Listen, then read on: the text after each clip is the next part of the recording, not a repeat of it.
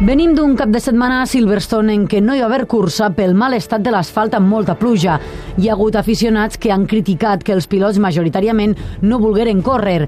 Ells tenien el poder i el van exercir, però històricament no ha sigut així. Al Gran Premi d'Itàlia a Monza en 1973 moren Renzo Pasolini i Jarno Saarinen. Ho explica Mario Lega, un pilot dels anys 70.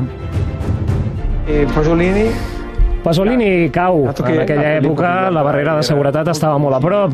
La moto hi topa i torna a la pista a mitja alçada. media. Sarinen, I Sarinen, que era qui li anava al darrere, s'aixeca de la moto i no pot evitar la col·lisió. La cursa s'acaba perquè els pilots es cansen de passejar-se volta rere volta pel desastre i entren a pits. Al 1977, el pilot suís Hans Stadelmann mor en un accident múltiple durant la cursa de 250 centímetres cúbics del Gran Premi d'Àustria a Salzburgring. Els promotors diuen que no cal aturar la cursa. Bé, els costa 8 voltes decidir-ho, perquè en l'accident en què mor Stadelmann, tres pilots més acaben malferits. Les estrelles del moment, amb Barry Sheen i Giacomo Agostini al capdavant, refusen de córrer la cursa de 500 centímetres cúbics. La FIM va multar Sheen per insolent i els organitzadors van recórrer al paddock amb diners a la mà oferint doble prima d'eixida a qui volguera disputar la cursa de la classe reina. Un dels moments més recordats és la cursa de Misano del 1989.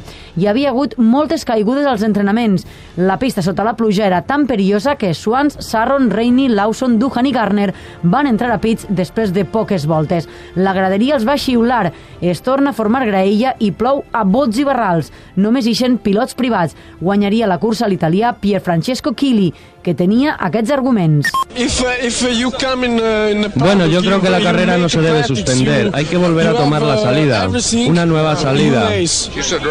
¿Has tenido presiones los dos pilotos tras su decisión de correr?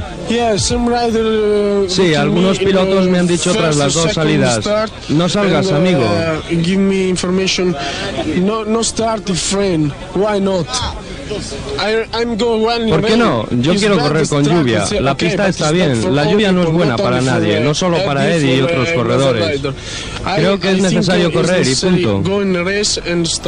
El excampió Kenny Roberts, que en aquella època ja feia de director d'equip, criticava la federació i els equips. La federació no pensa mai en la seguretat dels pilots, no ens tenen en compte. És per culpa de la federació que estem així i per culpa dels equips, perquè ens hauríem de plantar. A cada volta que passava per meta, Kili era insultat per Lawson, Swans i els altres pilots que es van negar a córrer.